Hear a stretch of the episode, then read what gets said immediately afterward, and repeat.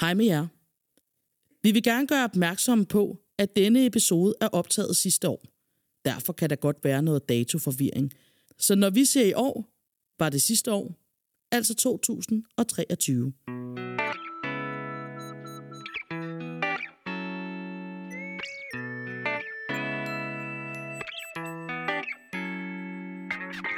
Velkommen til Dagligstuen, en podcast, der handler om livet fra et ungdomsperspektiv.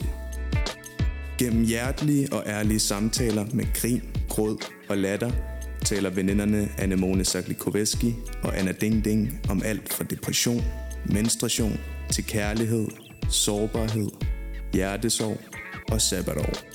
Blind lead blind. Varmt velkommen indenfor i et auditivt lyttefællesskab. Her kommer Dagligstuen. Hej, Anna. Hej Anemone, vi sidder her igen i de olivengrønne sofaer og skal til at optage en ny episode af Dagligstuen, vores podcast. Lige præcis, og jeg har glædet mig enormt meget til den her episode. Ja, men det har jeg også, og vi sidder lige nu på 12 i Helsingør. Mm. Det kan være, der er lidt støj udefra. Vi sidder lige ved havet, vi sidder lige ved grisen. Så Vi- hvis vi hører øh, grisen, vandet bruse, så er det bare livet her i Helsingør. Og hvis I kan høre en pølsesteg, så er det jo pølsemanden, der igen sidder er lige her om bag os. Vores gode gamle ven, Vores gode gamle ven. Øhm, I dag skal vi tale om sabbatår. Mm. Og øhm, det er jo fordi, at vi, både mig og Anna, har sabbatår nu. Og vi har oplevet en masse tvivl og en masse forventninger, mm. som vi måske ikke føler, vi kan leve op til. Og en, øhm, ja, bare en helt ny form for pres, som vi ikke har oplevet før. Lige nøjagtigt. Og det vi jo gerne vil med den her podcast, det er, at vi vil jo skabe et auditivt lyttefællesskab. Mm. Et safe space, hvor vi kan snakke om alt mellem himmel og jord. Vi kan tale om det, der gør ondt, tabuer, men også det hyggelige og det sjove og de pinlige historier, som jo også bare følger med i livet. Lige præcis. Så vi skal simpelthen tale om sabbatår, og forhåbentlig gøre både jer lyttere, som skal have sabbatår, har sabbatår, har haft eller ikke skal have, os selv lidt roligere, hvad angår øhm, mm. sabbatår, og det at finde ud af, hvordan man lige håndterer ikke at have et fast schema, og ikke have, have nogen, der fortæller en, hvad man skal, Ja, som man har haft i skolen. Lige nøjagtigt. I dag skal vi mm. reflektere. Vi skal snakke om, hvordan... Fordi det er jo nok også det, der er afgørende på en eller anden måde for sabbatår. Mm. Det er jo også det her med at, at finde ud af, hvad det er, man vil, hvad det er, man skal, hvad der er ens rette hylde, og hvordan man finder sin vej. Fordi det kan være simpelthen en jungle at navigere rundt i. Så det er også noget af det, vi skal snakke om i dag i sabbatår. Mm. Men vi skal jo lige snakke lidt om os selv, fordi som sagt, Hanne Mona og jeg, vi er inde i vores sabbatår, vores første sabbatår. Vi blev studenter her i sommer for fire måneder siden. Og derfor tænkte vi, det var meget smart at indlede det her afsnit med at øh, simpelthen lave det, vi kalder en sabbatårsstatus. Mm. Anemone, you go. Ja. Jamen, øh, jeg har to deltidsjobs. Det er det, jeg bruger min tid på primært i øh, sabbatår her. Ja. Og øh, så søger jeg fuldtidsjobs. Jeg er lidt træt af ikke at have et fuldtidsjob i virkeligheden. Øhm, men til gengæld har jeg jo så fået mulighed for at dyrke en masse nye og gamle, gamle hobbies. Øh, jeg er begyndt at læse. Det er noget, jeg ikke rigtig har haft lyst eller tid til mm. øh, før, så jeg har læst enormt meget. Så er jeg begyndt at redigere videoer og musik og sådan derhjemme Fedt. på, på iMovie. Gode gamle iMovie. øhm, og så er jeg lige startet til fodbold igen, som jeg har som jeg gjorde, da jeg var lille, og på efterskolen har jeg også spillet. Og det har jeg savnet enormt meget, så det har jeg fået øhm, i gang igen. Ja. Og øh, nej, nu har jeg kun været til det en gang, ikke? men altså, jeg er mega glad for, at jeg, at jeg endelig gør det. Øhm, Sådan. Og så generelt, jeg føler mig lidt lost her i sabbatåret, mm. og det er jo Mm. også derfor, vi også Det taler om, øh, eller har den her episode nu. Øhm, fordi det der med, hvordan får man lige et fuldtidsjob, og øh, altså, er det forkert ikke at have et fuldtidsjob? Uh, Nå, der kommer grisen sgu. der Hej, var hej, grisen. lille ven. Sådan en lille klokke, der ringer. Og pølsemanden er lige trådt ud af hans Ja, han lille da lidt- hus derovre. Er det bare mig, eller ser jeg også lidt remoulade på skjorten? Nå. Han ser så ud. Ja. Øhm, men så, i stedet for at gå og være sådan lidt, måske i virkeligheden lidt flov over ikke at have et fuldtidsjob, når folk spørger, hvad jeg går og laver, Mm. så har jeg jo også jeg prøver virkelig at holde fast i de ting, jeg faktisk kan lave, som for eksempel at lave den her podcast med dig, Anna. Mm. Det har jeg måske ikke kun, hvis jeg havde et fuldtidsjob. Og jeg ser mine efterskolevenner, og jeg har øh, været op og træne med min far i dag. For øh, første gang, det har vi haft mulighed for at gøre sammen. Dejligt. Det har vi ikke gjort længe. Så øh, ja, og min drøm for øh, sabbatår, det er at komme på højskole og ud og arbejde lidt i udlandet på Ja. en eller anden måde. Hvad med dig, Anna? Fortæl os. Ja, min status. Mm.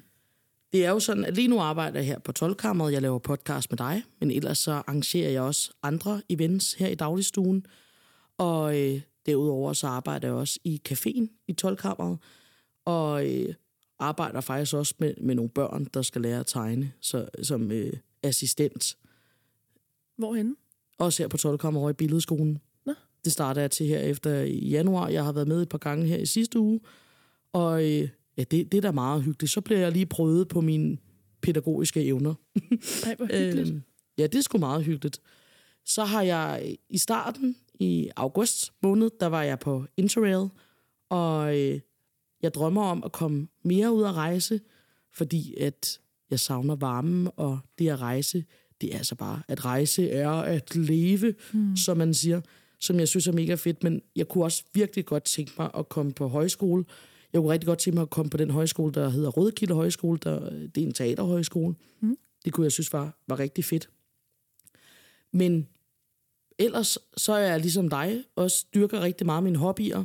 Jeg øh, strikker og hækler jo som sagt, og jeg synes, det er dejligt at være kreativ. Og jeg synes også, det er øh, skønt, at man ikke længere har øh, musikafleveringer for, som vi havde for mm. i gymnasiet, men i stedet for kan man sidde og gøre det, som man faktisk har lyst til, som jeg også øh, nyder rigtig meget. Mm. Jeg tror, jeg har haft det lidt ligesom dig, Mone, med, at lige da jeg kom hjem fra Interrail, der var det svært at øh, lige komme lidt i gang, følte jeg. Mm. Jeg var træt, havde lyst til at se tv, det havde jeg sgu ikke lige set i en lille måned. Og øh, der følte jeg, der oplevede jeg det første pres. Presset fra øh, min familie faktisk. Og jeg ved, at min familie gjorde det i allerbedste mening. Altså det her med at spørge, om jeg ikke snart skulle til at komme lidt i gang og, mm. og finde mig et arbejde og sådan noget. Men, men der måtte jeg også sige til min mormor, Bobs, jeg kom hjem i går. Giv mig lige en chance. Og, og jeg, jeg ved, at min familie, at man gør det i bedste mening, fordi man vil jo bare gerne have, at, at hinanden har det godt, og man finder noget, man synes er spændende at lave. Men man kan også godt opleve det som et pres, fordi at det er et sårbart emne. Fordi jeg ved for eksempel for dig, Annemone, nu har jeg så også været medskyldig i, at du havde... Der var et mindre arbejde, fordi at jeg Det fik skrevet det. skyld. Nej, det ved jeg godt. Men, men det kan jo godt være et sårbart emne, hvis man synes, det er svært at finde et arbejde. Og øh, nu ved jeg godt, at Mette Frederiksen, hun mener, at arbejde ikke skal være lystbetinget. Undskyld med det. Men jeg har det sådan, at selvfølgelig er et arbejde et arbejde. Vi skal tjene nogle penge, så vi faktisk kan opnå vores drømme, som at komme på højskole, eller komme ud og rejse. Og det koster bare røven ud af bukserne, det gør det. Og derfor skal vi tjene nogle penge. Men jeg synes samtidig, det at kunne dyrke min hobby og tjene nogle penge og lave noget inden for øh, den kreative branche, det betyder meget for mig, fordi det er det, jeg godt kan lide. Og det er også det, der gør, at jeg har lyst til at stå op om morgenen og faktisk tage på arbejde. Mm. Sådan har jeg det. Det skal ja. være sådan for mig. Jamen, sådan har jeg det også. Og jeg tror, jeg er virkelig god til at glemme, at øh, altså glemme det, jeg faktisk gør, og så holde mm. fast i det, jeg ikke gør. Altså sådan noget, nu arbejder jeg ikke på fuldtid, men jeg har jo, altså, nu har jeg i gang i det her projekt her, og jeg fået Mm. Lavet en masse ting, som jeg har drømt om at gøre længe, så sådan, det synes jeg også, det skal jeg blive lidt bedre til at holde fast i. Jeg holder fast i det positive ja. af det, du Ja. har. Ja. Ja. Og så ikke måske lytte til, hvad jeg tror, andre forventer af mig. Jeg tror Mm. ikke, der er nogen, der forventer noget i virkeligheden, men det er jo virkelig let at læse ind i, hvad folk går, altså når folk spørger, skal du ikke i gang med noget nu? Mm. Mm. Altså sådan, det er mega svært at abstrahere fra, synes jeg. Ja. Og jeg, jeg synes også, jeg ved ikke med dig, Morten, men jeg, jeg synes, der er et mærkeligt paradoks. Mm. Altså, det er sgu mærkeligt, at vi har gået rundt, vi, mig og Annemone tog jo en, øh, en ungdomsuddannelse i en STX, mm. og der gik vi jo rundt og satte det her, øh, altså det her sabbatårs, eller år, år, årrækker nærmest, det satte vi jo op på sådan et pedestadie, hvor vi bare tænkte, alt bliver nemmere, federe og bedre, når vi har sabbatår. Der vil ikke være nogen, noget forventningspres og stress. Der vil vi være øh, frie fugle, der bare kan gøre, hvad vi har lyst til. Men så kommer man ind i sabbatåret, Og så bliver man lige pludselig også ramt af sådan et, et pres, fordi man vil også gerne opleve en masse ting, og det koster penge, og man skal også have et fuldtidsarbejde, og jeg skal også finde ud af, hvad jeg skal, og jeg skal også bare finde ud af det hele på samme tid, og det er bare... Mm. Altså, Ja. Ja, og det, var, og, ja, og, sådan, og det er jo ikke for at skræmme dem, der nu skal have sabbatår, at Nej. vi har det her, den her episode. Men øh, det er jo fordi, at de her bekymringer og øh, tanker, vi har, er noget, vi måske gerne ville have ønsket, vi havde vidst mm, kom på forhånd. For det har taget os lidt sådan med bukserne ned. Hvad siger man sådan? Altså, det, var, Ja. det har vi jo ikke forventet. Det var meget Nej. sådan øh, meget pludseligt føler jeg, at man stod der og ikke ri- rigtig vidste, hvad man skulle. mm. Øhm, Og det er også derfor, jeg synes, det er dejligt, at vi skal snakke om i dag, og vi skal ventilere mm. det, fordi jeg tænker, at, at mange af jer lyttere måske også kan genkende og spejle jer i nogle af de her tanker og bekymringer og forvirringer, som man kan have under sit sabbatår.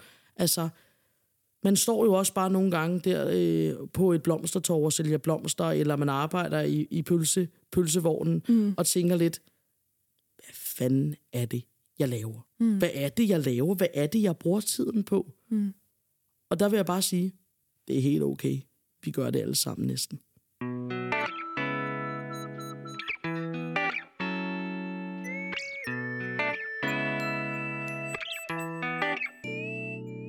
og nu skal vi tale med en, der hedder Kajsa, Ja, som vi har med på et opkald fra Aarhus.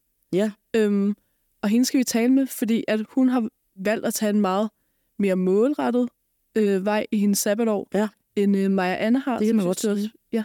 Mm. Så vi synes, at det var spændende at øh, høre lidt om hendes tanker bag de valg, hun har truffet. Mm. Kajsa, er du der? Det er jeg. Hej med jer. Hej, Kajsa. Vi er simpelthen så glade for, at du vil være med. Dejligt at være med. Skønt. Øhm, vil du ikke bare starte med at fortælle lidt om dig selv og dit sabbatår? Jo, jeg hedder Kajsa, som sagt. Øhm, og jeg blev student øh, i 22, sommeren 22. Ja. Hvor jeg så øh, hurtigt efter blev student, allerede i august, tog ud at rejse. Da jeg havde sparet en masse penge op i gymnasiet, og det var bare det, jeg havde lyst til at bruge mine penge på. Min tid på. Fedt. og jeg var så ude og rejse i ni måneder. Jeg kom hjem her i maj, hvor jeg så arbejdede lidt i sommermånederne, fordi at jeg jo så flyttede til Aarhus for at starte på studie, øh, hvilket jeg gør nu. Jeg læser religionsvidenskab på Aarhus Universitet, øh, og det er bare mega fedt, synes jeg. Dejligt. Sådan. ja, Og øh, du var ude at rejse alene, kan det passe? Ja, præcis. det var jeg nemlig. jeg vil synge om. Ja, jeg vil sige, før jeg tog afsted, det var også noget af det, som sådan bekymrede mig meget, eller ikke sådan bekymrede mig, men sådan, altså, Mm. mm. det er mega uhyggeligt at tage afsted alene, og sådan, kan man overhovedet finde ud af at rejse alene, kan man finde ud af at være mm. med sig selv. Mm. Altså sådan, det, det er virkelig noget, man skal lære. Ja. Øh, så Ja. jeg har i hvert fald lært det, som, som jeg synes er mega fedt at have lært, fordi at, at ja, det ved jeg ikke, det er bare fedt at ligesom være i sit eget selskab. Mhm. For eksempel, at ud og spise alene, når man er ude at rejse første gang. Det kan jeg huske, det var mega uhyggeligt at sætte sig på sådan en restaurant alene, eller sådan en Ja. café alene. Ja, det gør det Det ikke. er så her at spise. Men det skulle man også gøre et par gange i løbet af de ni måneder, tænker jeg. Man nåede at vende sig til det. Jamen præcis. Ja, Jamen præcis. Altså, det lærte man jo. Øh, ej, hvor fedt. Mm. Men vi tænker, vi har, altså, vi har forberedt nogle spørgsmål, som øh, vi har gået og tænkt på. Altså, vi er gerne vi er lidt meget nysgerrige på dit sabbatår og hele din rejse. Øhm, yeah. så vi vil gerne høre dig, Kajsa. Vidste du på forhånd, hvad du skulle i dit sabbatår? Var det, altså, hvilke tanker havde du gjort dig, inden du skulle afsted? Og øh, vidste du, hvor du skulle hen? Var det, var det svært at tage? Øh, tage du har i hvert fald sparet ihærdigt op. Jeg ved, at, øh, fordi Kajsa og jeg, vi har snakket sammen inden, jeg ved, at du har sparet al din SU sammen. Du har sparet SU'en op. Det er fandme klogt. Det er, det er, der er du sgu klogere end de fleste. Fordi det er også det, hvad, hvad, hvad, hvad fanden har du brugt din SU på, Anne Jeg har brugt min på øl nok. overlevelse. sådan noget. Øh, hverdags... Så du sparede din SU op, mens du gik i gymnasiet. Ja, øh, primært det i hvert fald. Øh, ja, så altså, jeg havde nogle penge fra, ja, som jeg bare havde stået som jeg bare har stående på min konto i mega lang tid, og så Mm. tænkte jeg, hmm, hvorfor skal jeg ikke bare starte en opsparing? Man ved aldrig, altså, det er jo altid så meget at have en opsparing. Mm.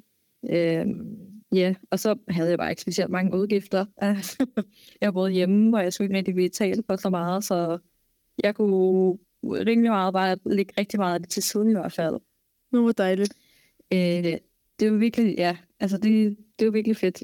Og så tror jeg, det måske var i omkring 2G eller sådan noget, hvor jeg tænkte, øh, at det bare kunne være mega fedt at komme ud og rejse efter gym.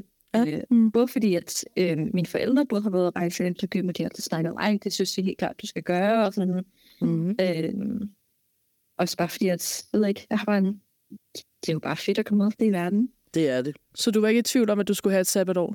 Det var sådan, øh, det vidste du Nej. Nej. ligesom på forhånd? Slet ikke. Mm. Ja, altså jeg var da helt klart klar på at skulle slappe af og ikke tænke på bøger og Mm. noget. Ja, lige præcis.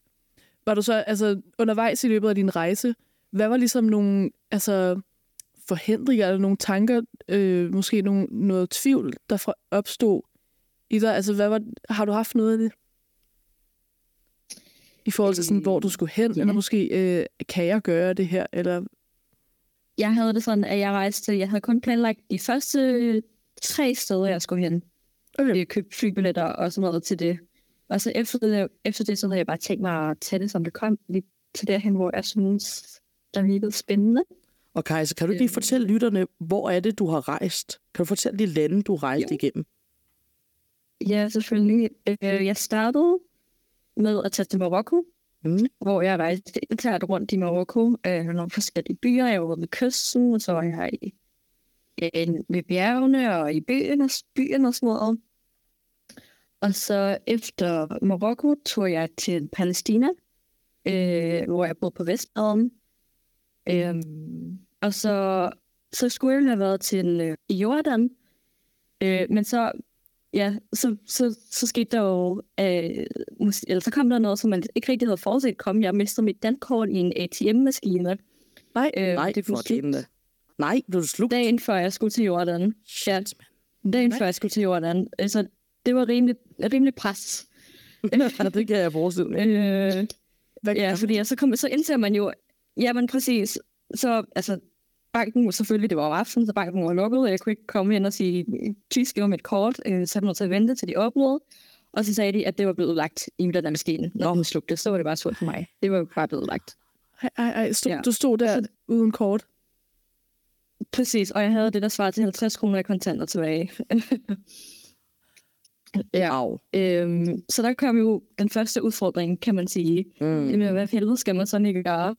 Ja. Øhm, heldigvis så havde jeg jo så fået nogle rigtig gode venner i Palæstina, øh, som jeg kunne bo hos. Jeg boede, som jeg bo hos en af mine, øh, mine gode venner i i tre uger, tror jeg det var. Imens mine forældre så skulle sende et nyt kort ned til mig. Når du siger, øhm, du var hos dine venner der i tre uger, var det nogen, du havde mødt? Ja. Altså, var det nogen, du kendte i forvejen, eller var det nogen, du mødte undervejs, og hvordan fik du lige kontakt til dem? Ja, det er jo det kan jeg selvfølgelig et godt spørgsmål. Øhm, jeg boede på øh, et hostel, øh, hvor at ham, som arbejder, han arbejder på hostel, øh, hvor vi så ja, begyndte at snakke sammen, og hans venner øh, spurgte, om jeg ville med til ud og ja, vise mig rundt, vise mig rundt i byen og sådan noget. Altså selvfølgelig, det vil jeg mega gerne, fordi at man er ude at rejse alene, hvis man har lyst til at snakke med andre end sig selv, så bliver man nødt til at, til at lave nogle relationer. øhm, og så, øhm, ja, så var det også fordi, at altså, den, altså, altså, det var nogle af de mest gæstfri mennesker, jeg nogensinde har mødt, så da jeg mistede, så var jeg sådan lidt, ej, du kan bare komme hjem og bo hos min familie og bo hos mig, og det var så fint. Så jeg var bare, Nå, tak. Der er sgu mange danskere, ja. de burde tage ned og rejse for at lære øh, Ja. ja. simpelthen den gæstfrihed og den venlighed, der bare er nogle gange er i udlandet. Det er så vildt. Ja. Præcis. Blive nærmest en helt er inkluderet en familie, ikke? Det, det, det vil man jo aldrig Ja, men opleve i. Danmark. Det vil du ikke opleve her.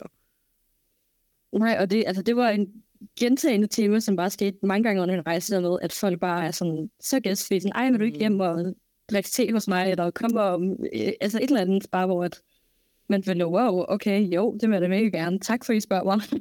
Ja, det er så fedt. ja. ja, der er vi altså bare måske Ja. reserveret som danskere. Desværre. Ja, det får man i hvert fald lidt en fornemmelse af, når man når man ser andre kulturer. Ja. Du blev i Palæstina, på trods af, at du mi- mistede dit kort. Var der intet i dig, der sagde, nu tager jeg fandme hjem? mm, faktisk er det ikke det nej, fordi Nå. at, at for det første så havde jeg lavet flybilletter videre til det næste sted, så jeg var lidt, ej, det er lidt fedt af penge. Men, øhm, men jeg tror også, jeg var lige, jeg, var, jeg havde kun været afsted i hvad, halv, halvanden, to måneder måske på det tidspunkt. Ja. Og jeg var allerede, altså jeg synes, at man havde fundet blod på tanden, altså man ville godt videre ud og opleve andre ting, og sådan, jeg var slet ikke klar for at komme hjem, tror jeg. Nej. Nej. Mhm. Så var jeg der, og så øhm, min flybilletter var så videre fra Jordan, så jeg nåede at være i Jordan Amman i halvanden dag. Okay. øh, så jeg så havde mine flybilletter videre til Nepal, Fedt. hvor at, øh, jeg var frivillig hos øh, en, en mand, der ejede sådan et øh, trekking, altså sådan en øh, vandrefirma, hvor han lavede forskellige vandreture ud i forskellige bjerge i Nepal, og sådan viste rundt i Kathmandu, som hovedstaden, hvor jeg boede. Mm. Øh, Hvad var det, du sagde, det så med sådan noget. Øh, altså sådan en trekking-firma. Nå, twerking, jeg troede, du sagde twerking, så tænkte jeg, nå, nå, nå. Nej, det, Jeg tænkte, nå, nå. er det lidt, lidt, lidt langt fra hinanden. What a fresh man. Det kan man jo ikke vide. Ja. No potato. ja. Nej, trekking, altså Ja, vandre. ja, yes. Jeg er med nu. Ja. Yep. Jamen, jeg lavede, jeg lavede så sådan noget social media, so me, halløjsa for ham. Nå, Øh, hvor jeg så boede hos hans familie. I, jeg tror, jeg var der i 20, 20 dage. Øhm, og det var også var mega fedt. Altså, fordi at jeg synes det er helt klart, når man bor hos familier, altså sådan, som jeg har gjort mange steder, at man bare får sådan en helt anden rejseoplevelse, en helt anden kulturforståelse, fordi at man oplever bare nogle ting, som man slet ikke kan som, øh, som turist.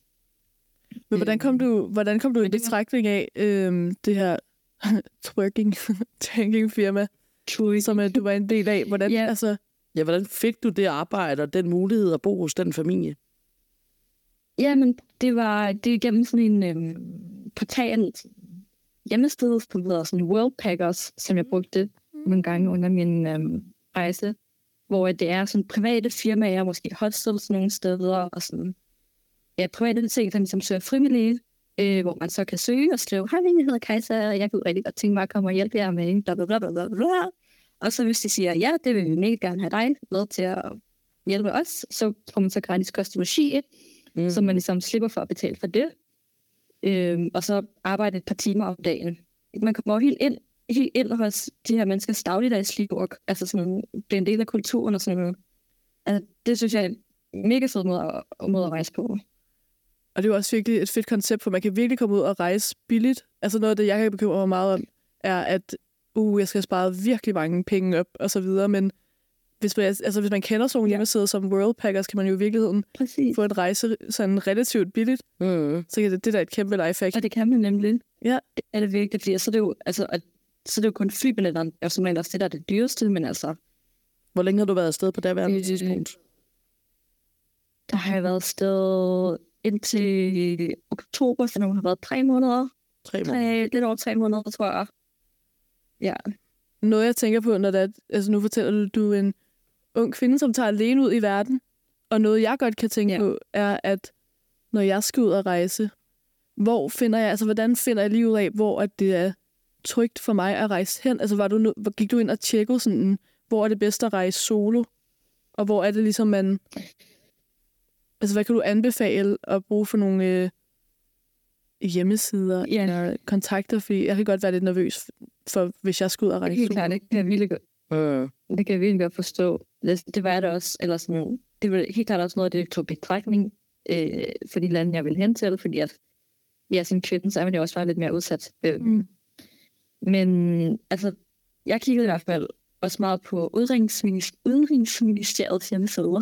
Ja. Der kan man sådan søge på lande, øh, hvor at, og så, kommer, så har de sådan en helt side med land, hvor der står, hvor sikkert er det at rejse, hvad skal man være opmærksom på, bla bla bla. Altså sådan en hel masse forudsætninger, man skal tage betragtning, øh, før man måske rejser til landet. Og så tror jeg også bare, man skal gøre, altså bare følge sin mavefornemmelse, fordi at det, det kan virkelig også tage langt. Altså hvis man nu heldigvis var jeg så heldig aldrig rigtig at sådan komme ud for noget ubehageligt, eller opleve nogle ubehagelige situationer. Men øhm, ja, man skal jo bare altid lytte til sig selv, og sådan Mm. mm. tænke, hvis, bare, hvis, som jeg det også, hvis der var den mindste bekymring eller noget, så tænker jeg, okay, så gør jeg ikke. Fordi Mm. mm. at, ja, hellere være på den sikre side. Ja, men tager ikke imod den øl, Ja. ham der, og spørger, om du vil have eller et eller andet. Altså. Nej, præcis. Hvis Ja. der, når der er en, der bliver ved med at sige, ej, jeg må ikke lige købe noget. Nej, tak. Nej. Ja.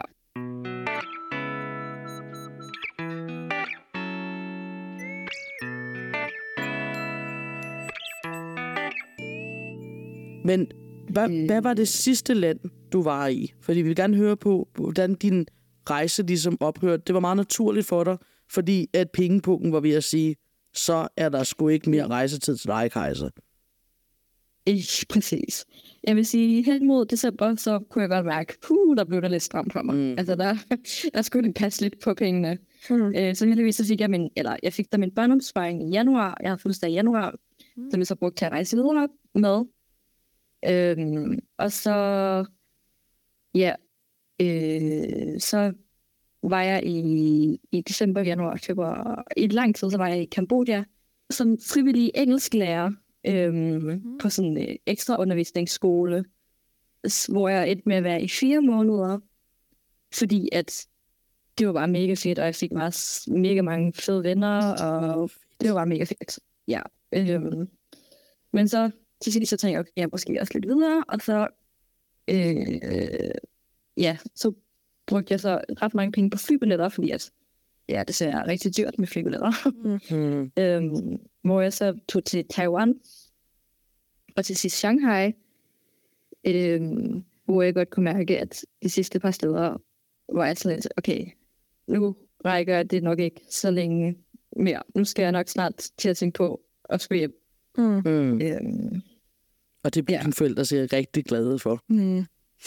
det kunne jeg forestille mig. Det var skønt. Så der var ligesom, der var lige nogle ting, der måske ikke lige var helt, som man forventede, men det gik jo i virkeligheden. Du kom ligesom over det, og kom igennem det. Præcis, altså meget succesfuldt. Mm. Meget overraskende faktisk, hvor lidt det gik for mig, synes jeg. Da du kom Så- øh, hjem til Danmark, vil du fortælle om øh, overgangen fra at komme, øh, har været ude at rejse i ni måneder, og så komme hjem og måske skal vælge uddannelse, nu vil du gerne læse videre, og hvordan valgte du den uddannelse, du skal ind på? Ja, det er jo det store spørgsmål. altså, jo, jeg kom jo hjem, og så havde jeg ikke nogen penge. Nej. Og så øhm, var jeg sådan lidt, fuck, hvad skal jeg lave nu? Jeg synes, det var meget mærkeligt at komme hjem fra, at man har været ude og opleve så mange nye store ting hver dag næsten, og så komme hjem et sted, hvor man kender alle, alt, hvad der er, og man ved lige, hvor man skal gå hen for at handle. Altså, Mm. det var helt meget bekendt, det synes jeg jo. Altså, selvfølgelig var det dejligt at komme hjem. Jeg havde det også hjemme til sidst, men jeg synes også, det var en meget mærkelig overgang. Mm. Altså, man skulle virkelig vende sig til, at okay, nu skete der jo faktisk ikke rigtig noget. Nu skal jeg selv opsøge, hvis, hvis jeg var helt, der skal ske noget. Mm. Øhm, og jeg var sådan, jeg, at arbejde, det har bare aldrig rigtig interesseret mig. Mm. så jeg var slet, jeg gider fandme ikke. Altså, jeg- min originale plan var at have mindst to sabbatår. Ja. Ja. Jeg ville også rigtig gerne have været på højskole. Mm. Øhm, men jeg var sådan, det koster også sindssygt mange penge. Og jeg var, jeg Det er godt. gad bare simpelthen ikke arbejde. Jeg gad bare ikke arbejde. Det er jo faktisk en forbi. Øh. Ergo forbi, det er, at man ikke vil arbejde. Det kan være, at du har den. Jo, wow, okay. Det vidste jeg ikke, det kan være. ja. Men øh, ja, altså, det var faktisk også sådan lidt til sidst, at jeg savnede næsten helt at studere. Eller sådan, ja, jeg har altid elsket at lære, eller hvad man siger. Jeg synes altid, det var mega fedt. Så det sidste var jeg slet, okay, måske, måske kunne jeg faktisk godt bare starte direkte. Det ville faktisk måske ikke gøre mig så meget. Øh, så, og jeg, var- jeg, jeg var egentlig rimelig jeg tror egentlig, jeg var rimelig afklaret med, at jeg godt ville læse religionsvidenskab, fordi at, øhm, altså for gymnasiet, jeg havde religion på B-niveau, så havde det i to år, og jeg synes virkelig, det var i det andet år, hvor man bare fik, hvor man kiggede på de samme andre ting end kristendom og islam, som man bare altid har hørt så meget om, kun måske lidt mere, øhm, eller synes jeg i hvert fald, sjove, sjove ting, og det er jo virkelig der, hvor man kunne, ja, lege og opleve, eller sådan lære fede ting. Mm. Øhm, også, jeg var også, altså, og så jeg har også noget historie, sådan gamle kulturer, som har interesseret mig. Jeg var selv klassiker, i, da jeg gik på gymnasiet, her græsk latien. Ja. Øhm, så der tror jeg også var virkelig, at jeg fik sådan en interesse for gamle tekster og sådan noget. Mm. gamle kulturer. Og så tænker jeg bare, at det faktisk lød mega fedt religionsvidenskab, at det bare sådan kombinerede det bedste, øh, eller det meste af det, jeg synes er mega spændende. Fedt. Fordi at, altså, øh, det vi lærer her, det er jo heller ikke rigtigt. Altså, det er jo ikke, det er jo ikke kristendom, så skal man jo læse teologi, men øh, vi får bare en, ja, en god viden for, altså sådan, hvordan kulturer er opbygget, fordi så mange kulturer er bygget på, på baggrund af religion, og det giver bare sådan, ja, ja det, det giver en meget god verdensforståelse, synes jeg. Religionsvidenskab, det lå bare meget til højbenet for mig, synes jeg. At det var det tænkte jeg, lad mig prøve det. Fedt. Øh, og jeg, jeg vidste jo ikke, om det var noget, man ville fortsætte med, fordi at, øh, det har jeg i hvert fald også, efter jeg selv startede på studie, at der er jo så mange, der kommer med mange forskellige baggrunde, og der er mega mange, der har læst andre ting, før de startede på religionsvidenskab, mm. hvor de har prøvet noget andet, og så har de fundet ud af, at det var faktisk ikke for mig. Og så har man startet på et andet studie, øhm, hvilket jeg synes også gav mig lidt mere, altså, hvor jeg blev lidt mere tryg. Altså, det er faktisk okay, at man ikke rammer plet på det første forsøg, man starter på. Altså sådan, Mm. det første studie behøver jo ikke være det, man ender med. At det, det er okay at prøve det af, og hvis det ikke er noget for det, så find noget andet. Så det er ikke så vigtigt at have, Mm. at have ligesom afgjort med sig selv, om hvad det er, man vil, vil øh, 10 år ude i fremtiden, når det er, man starter på et studie. Man kan godt bare vælge det, der man lige synes lyder interessant, og det forpligter ikke en til at blive på det studie. Det synes jeg, der er meget beroligende. Lige at høre. Det synes jeg nemlig også, fordi at, jeg synes også, at altså, det virker meget presset dermed, at, eller sådan, presset om, at man skal vælge en rigtig uddannelse, mm. og så skal man færdiggøre den, og så skal man ud og arbejde. Jamen, det er det. Og, Mm. og, og sådan fungerer det jo bare slet ikke. Altså, Nej. Men du er jo også øh, flyttet, du er flyttet til Aarhus, ikke? Fra hvor, hvor boede du før? Jeg boede så i noget på min mor, jeg flyttede med min mor til København, øh, da jeg gik i 2G, så jeg nåede lige at bo der en lille tid, for at øh, jeg blev færdig med gym. Okay, og så er du taget til en ny Men by for at studere. Hvordan har det, hvordan har den, det været at skulle et nyt sted hen og lande på en ny uddannelse, samtidig med, at man ikke kender Ja. byen og ikke øh, ved om det her studie nu? Og de snakker også alle sammen jysk, så man kan faktisk slet ikke forstå, hvad de siger? Lige præcis.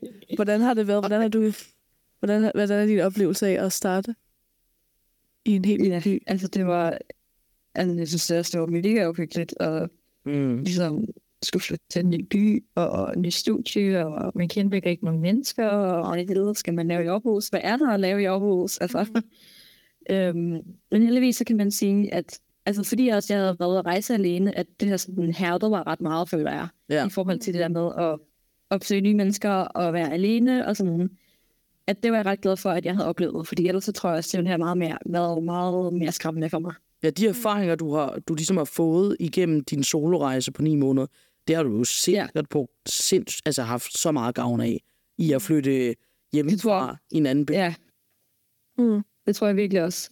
Også det med, at jeg allerede, altså, jeg var, jeg havde, jeg var ikke flyttet hjemmefra før det, Nej. men jeg var jo alligevel ikke hjemme i rigtig lang tid, så det der med at flytte hjemmefra, det føles ikke som sådan et stort skridt rigtigt, fordi at, øh, ja, som jeg jo så, som sagt havde været alene afsted. Så du vil sige, altså det er vigtigt bare at springe ud i ting.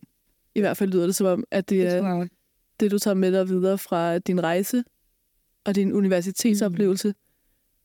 Men så når du kigger er tilbage over din, dit sabbatår og din valg Mhm. i, øh, igennem det og med Mm. universitetet, er der noget, du tænker, sådan, der vil være godt at vide som en, der nu har sabbatår? For eksempel mig og Anna sidder her og ikke rigtig ved helt, hvad det er, vi skal. Altså, hvad sådan er the main advice, du vil give til nogen, der sidder i den situation, som mig og Anna er i nu?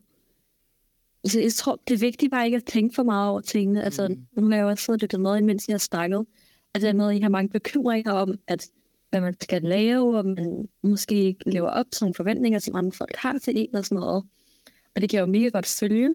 Øh, for jeg synes også, også bare, da jeg kom hjem, så var mine forældre der også sådan lidt, ej, jeg skal nok finde et arbejde snart.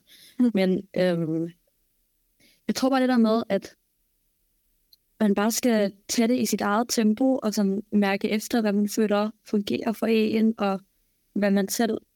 Altså sådan, ja, hvor man selv er i livet, eller man sige, det lyder også meget sådan abstrakt, men det med, at man bare, okay, lige nu, så har jeg egentlig bare brug for at, ja, at finde mig til rette i livet efter gymnasiet. Altså, det, det, det, det, det er bare okay, og det er okay at tage, sin tid, til- tage sig sin tid til det, Mm. synes jeg. Altså, at det der med, at man skal ikke nå noget på en bestemt, tids, en bestemt tidshorisont. Nej. Altså, Mm. Nogle, nogle tager 6-7 år, nogle tager et som mig. Altså, Mm. Der er jo ikke noget, der er rigtigt og forkert. Nej. Øh, ja, jeg tror virkelig bare, det er vigtigt at mærke efter med sig selv og tænke, hvad fungerer for mig, og hvad synes jeg er spændende at leve, og hvad. Men jeg, jeg, kan, jeg kan også tænke, at den måde, du ligesom har fundet din retning på i forhold til din uddannelse, også Mm. handler om, at du bare har ladt tingene ske. Du har ikke presset mm. Mm. noget ned over hovedet med sådan, nu skal jeg godt nok til at snart finde mig ud af, finde min øh, uddannelse, jeg gerne vil ind på, og, og, og sådan. Det er kommet lidt mere sådan naturligt i, i sådan, ej, jeg har faktisk lyst til at studere nu. Jeg synes, det her var spændende. Det var lystbetinget, som vi virkelig godt kan lide. Mm. Mm. Helt klart. Ja. Det- Og det tror jeg også er vigtigt, når man skal vælge uddannelse, det der med, at man ikke bare vælger på baggrund af, hvad man kan lave i fremtiden, altså ens Mm. karriere og job og sådan noget.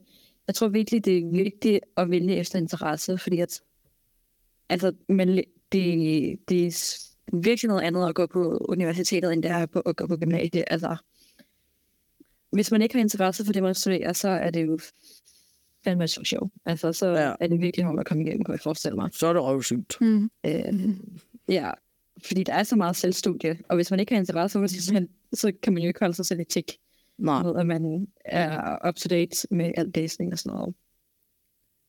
Men ja, gør hvad der interesserer jer. gør hvad I synes er interessant Mhm. og synes er fedt at lave. Det er virkelig dejligt at høre. Fra en, der har oplevet det, vi jo også har gennemgået, eller det, vi gennemgår nu. En, der ligesom har været igennem det, at øh, det skal sgu nok ende godt. I virkeligheden, selvom man går og har sine tvivle, og, og man måske mister sit kort i en ATM, så går det nok. Det er virkelig dejligt at høre. Eller man skal nok komme hjem, og man skal nok komme igennem det. Mm. Det er dejligt at høre. Har du noget på hjertet, som skal drøftes? Så skriv ind på dagligstuen.brevkasse gmail.com Det er jo sådan, at vi har en brevkasse her i øh, vores podcast.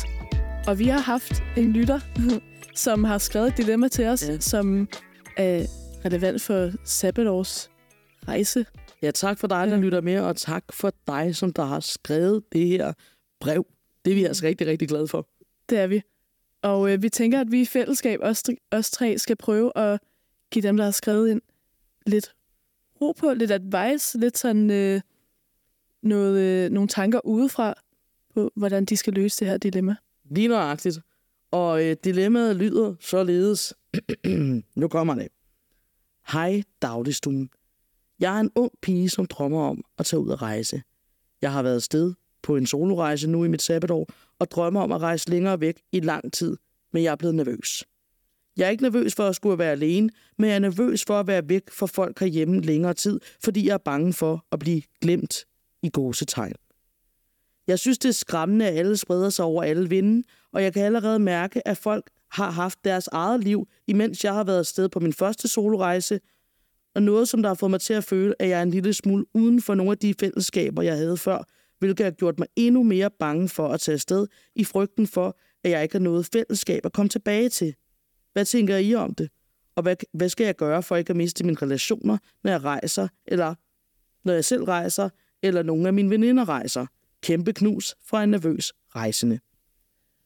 Det synes jeg er et så godt dilemma, for det er jo et helt nyt øh, blik på det at rejse Mm. alene, fordi en ting er, vil- hvad kan opstå undervejs, Mm. men det der med ikke at kunne give slip på det, der er derhjemme, og den her FOMO-tanke, altså FOMO, vi alle sammen måske går og har Mm. generelt. Altså, hvordan kan man være til stede på sin rejse, uden at tænke på, hvad der er, der foregår derhjemme? Det er også det, fordi jeg kan da godt huske, i hvert fald i gymnasiet, men skulle også, da jeg gik i 9. klasse eller sådan noget, du har været syg i en uge, Og så når du kommer tilbage fra din sygdom i øh, den der uges tid, du føler jo fandme, at du har været væk i et år. Altså, hvad fanden er det, folk snakker om? Og du er bare ikke en del af det længere. Og jeg tænker, Kajsa, for fanden da, du var væk i ni måneder. Hvad, hvad, hvad tænker du om det her? Kan du relatere til, dig, til det her øh, dilemma fra den nervøse rejsende?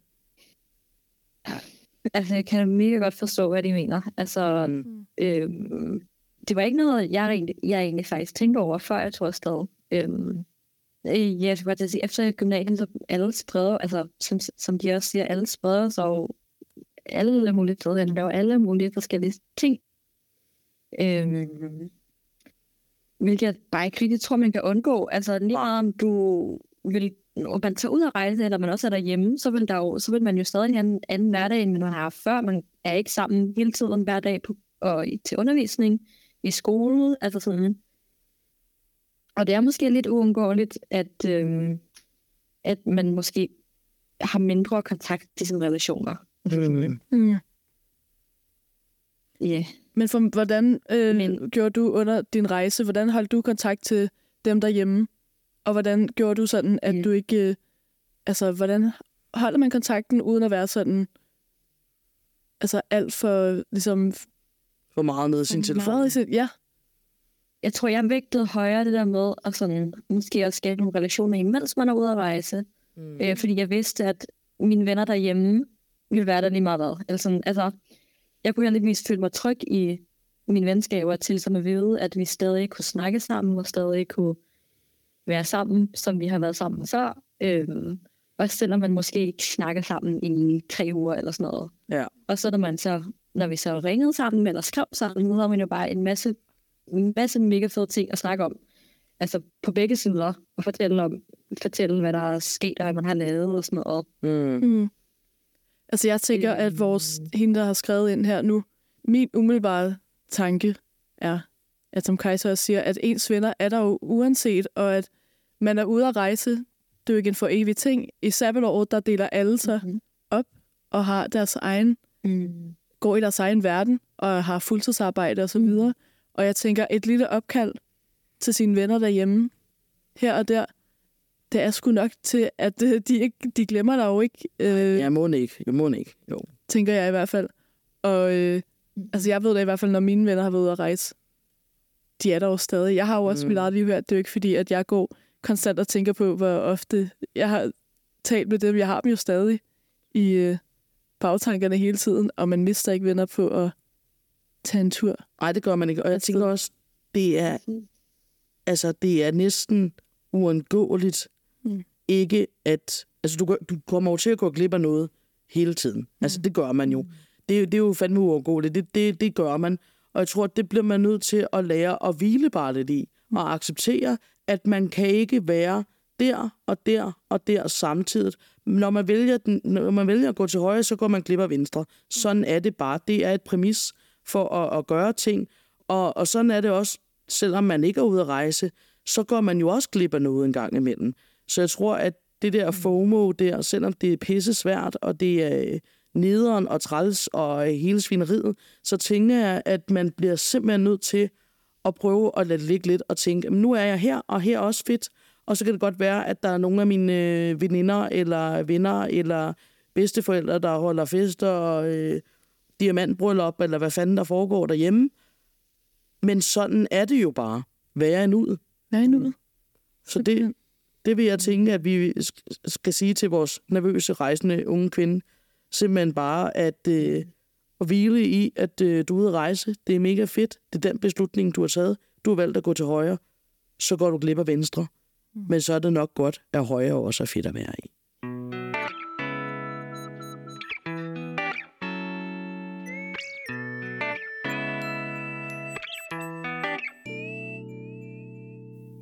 Vi skal til at runde af Ja, for den her episode.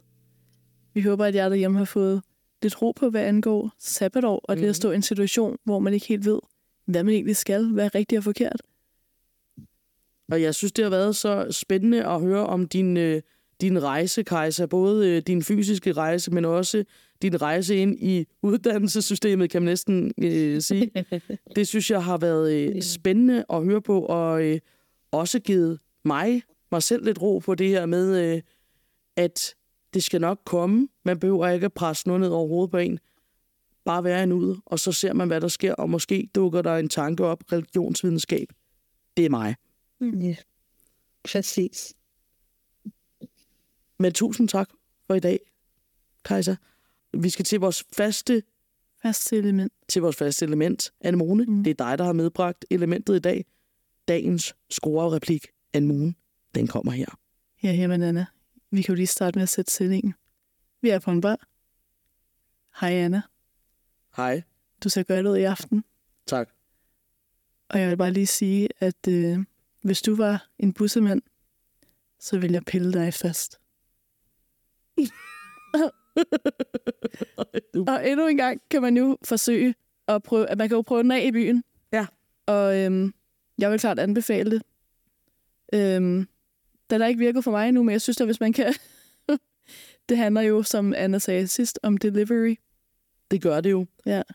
Og tak til alle jer skønne mennesker, som der har forhåbentlig lyttet med. Jeg håber, I er blevet klogere.